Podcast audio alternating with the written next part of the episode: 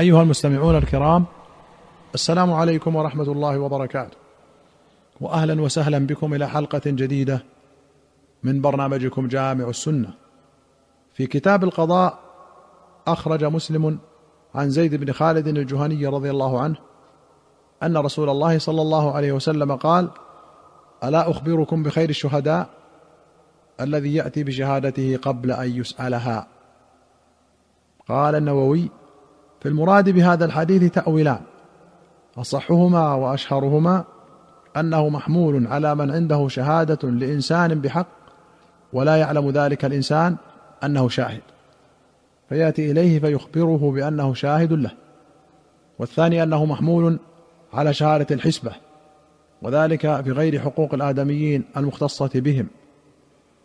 فما تقبل فيه شهادة الحسبة الطلاق والعتق والوقف والوصايا العامة والحدود ونحو ذلك. فمن علم شيئا من هذا وجب عليه رفعه إلى القاضي وإعلامه به والشهادة. قال الله تعالى وأقيموا الشهادة لله. قال العلماء وليس في هذا الحديث مناقضة للحديث الآخر في ذم من يأتي بالشهادة قبل أن يستشهد. في قوله صلى الله عليه وسلم يشهدون ولا يستشهدون. وقد تأول العلماء هذا تأويلات. اصحها أنه محمول على من معه شهادة لآدمي عالم بها فيأتي فيشهد بها قبل أن تطلب منه. والثاني أنه محمول على شاهد الزور فيشهد بما لا أصل له ولم يستشهد. والثالث أنه محمول على من ينتصب شاهدا وليس هو من أهل الشهادة. وأخرج البخاري ومسلم عن أبي بكرة رضي الله عنه قال كنا عند رسول الله صلى الله عليه وسلم فقال ألا أنبئكم بأكبر الكبائر؟ ثلاثا. قلنا بلى يا رسول الله. قال الإشراك بالله وعقوق الوالدين. ألا وشهادة الزور وقول الزور. وكان متكئا فجلس. فما زال يكررها حتى قلنا ليته سكت. قوله حتى قلنا ليته سكت أي شفقة عليه. وكراهية لما يزعجه. وفيه ما كانوا عليه رضي الله عنهم من كمال الأدب معه صلى الله عليه وسلم والمحبة له والشفقة عليه. وأخرج البخاري ومسلم عن ابن مسعود رضي الله عنه أن رسول الله صلى الله عليه وسلم قال أول ما يقضى بين الناس يوم القيامة في الدماء. وأخرج البخاري ومسلم عن يزيد بن شريك بن طارق التيمي قال رأيت عليا على المنبر يخطب فسمعته يقول لا والله ما عندنا من كتاب نقرأه إلا كتاب الله وما في هذه الصحيفة فنشرها فإذا فيها أسنان الإبل وأشياء من الجراحات. وللبخاري عن أبي جحيفة السوائي قال قلت لعلي يا أمير المؤمنين هل عندكم شيء مما ليس في القرآن؟ وقال مرة ما ليس عند الناس؟ قال لا والذي فلق الحبة وبرأ النسمة ما عندنا إلا ما في القرآن إلا فهما يعطيه الله رجلا في القرآن وما في هذه الصحيفة. قلت وما في هذه الصحيفة؟ قال فيها العقل وفكاك الأسير والا يقتل مسلم بكافر. العقل هو الدية والمراد ما ذكر في الرواية الأولى. وسميت عقلا لأن الإبل كانت تعقل بثناء ولي القتيل. ثم كثر الاستعمال فأطلق العقل على الدية ولو لم تكن إبلا. وفي كاك الأسير كقوله في الحديث الآخر فك العاني. وفكه تخليصه بالفداء.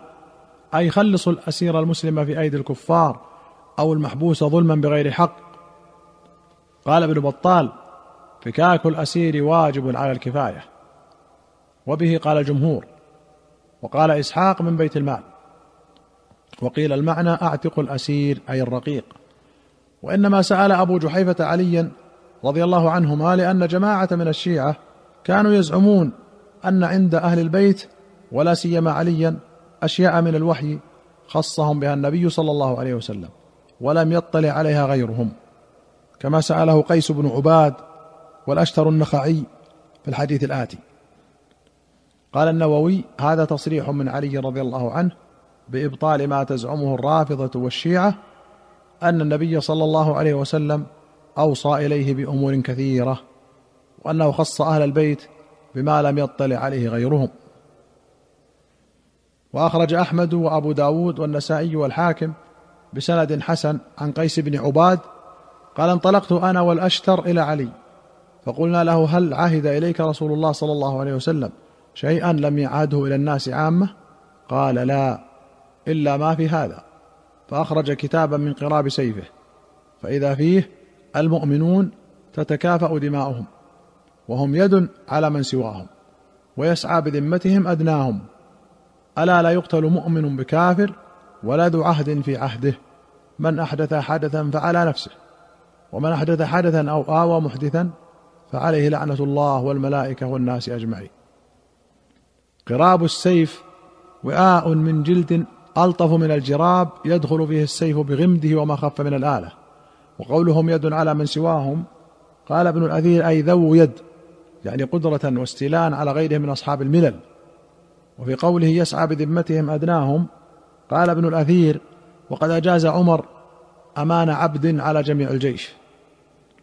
وجاء في بعض روايات الحديث والمدينة حرم. وفيها لعن الله من ذبح لغير الله. وفيها فرائض الصدقة.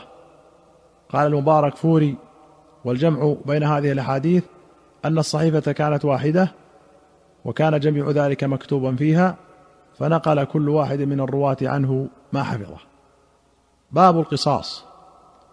أخرج البخاري عن أنس أن الربيع عمته وهي ابنة النضر كسرت ثنية جارية فطلبوا إليها العفو فأبوا فعرضوا الأرش فأبوا.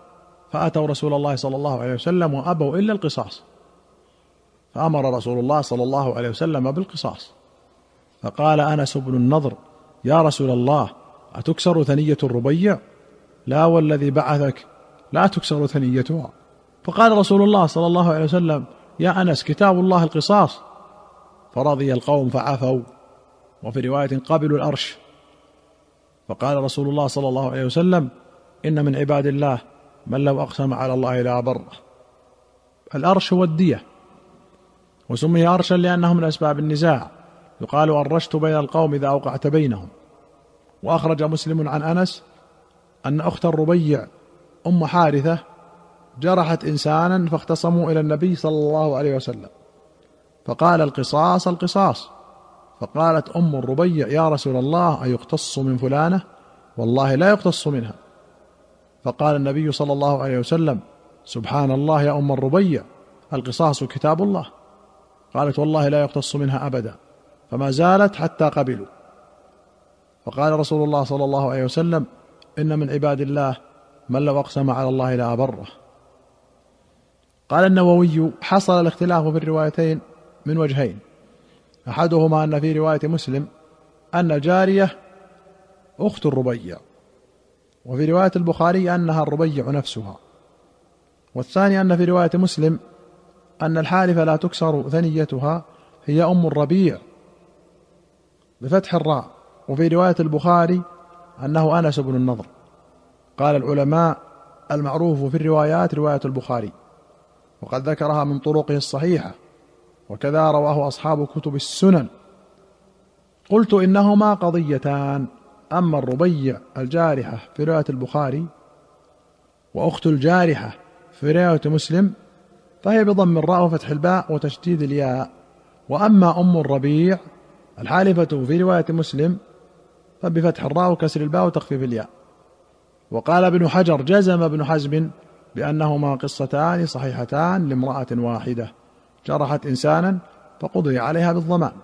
وكسرت ثنية جارية فقضي عليها بالقصاص وحلفت أمها في الأولى وأخوها في الثانية. وقال البيهقي ظاهر الخبرين يدل على أنهما قصتان. أيها المستمعون الكرام إلى هنا نأتي إلى نهاية هذه الحلقة. حتى نلقاكم في حلقة قادمة إن شاء الله. نستودعكم الله. والسلام عليكم ورحمة الله وبركاته.